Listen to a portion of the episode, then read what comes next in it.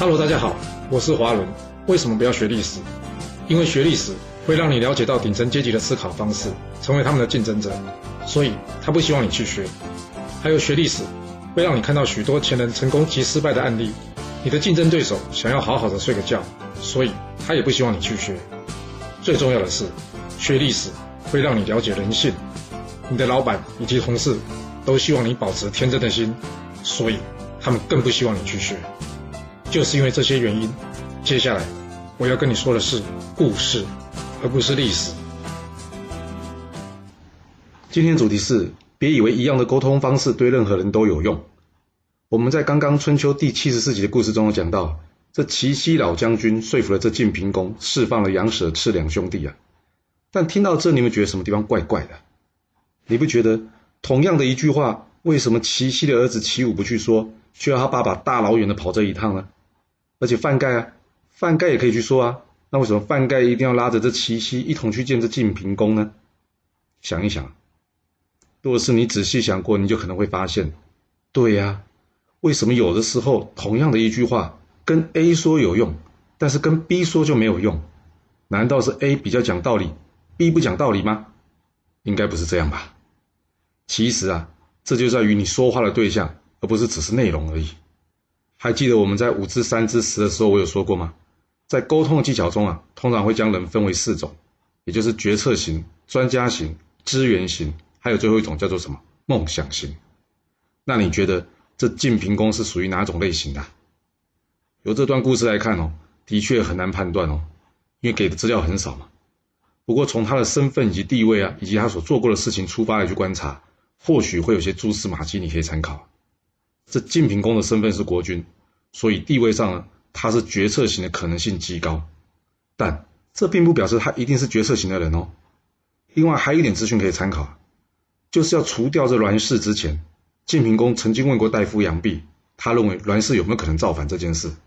杨弼当时怎么回答他的？杨弼只说了“空穴不来风”，那他有提出实证吗？没有。而后来呢？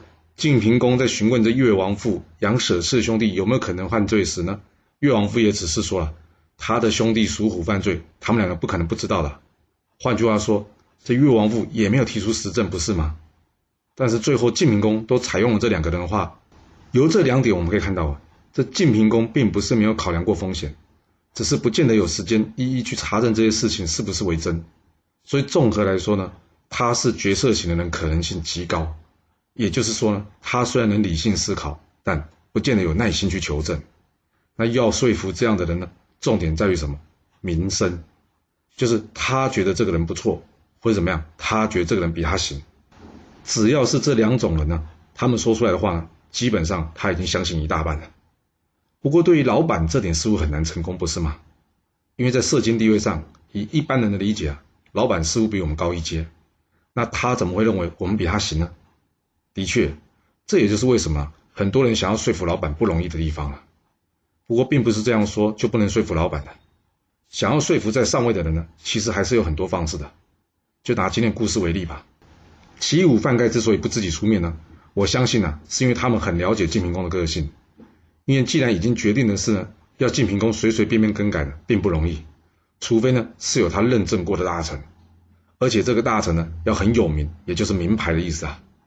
那这名牌的大臣的一句话呢，可能会胜过大家的十句话。那这个名牌的大臣是谁呢？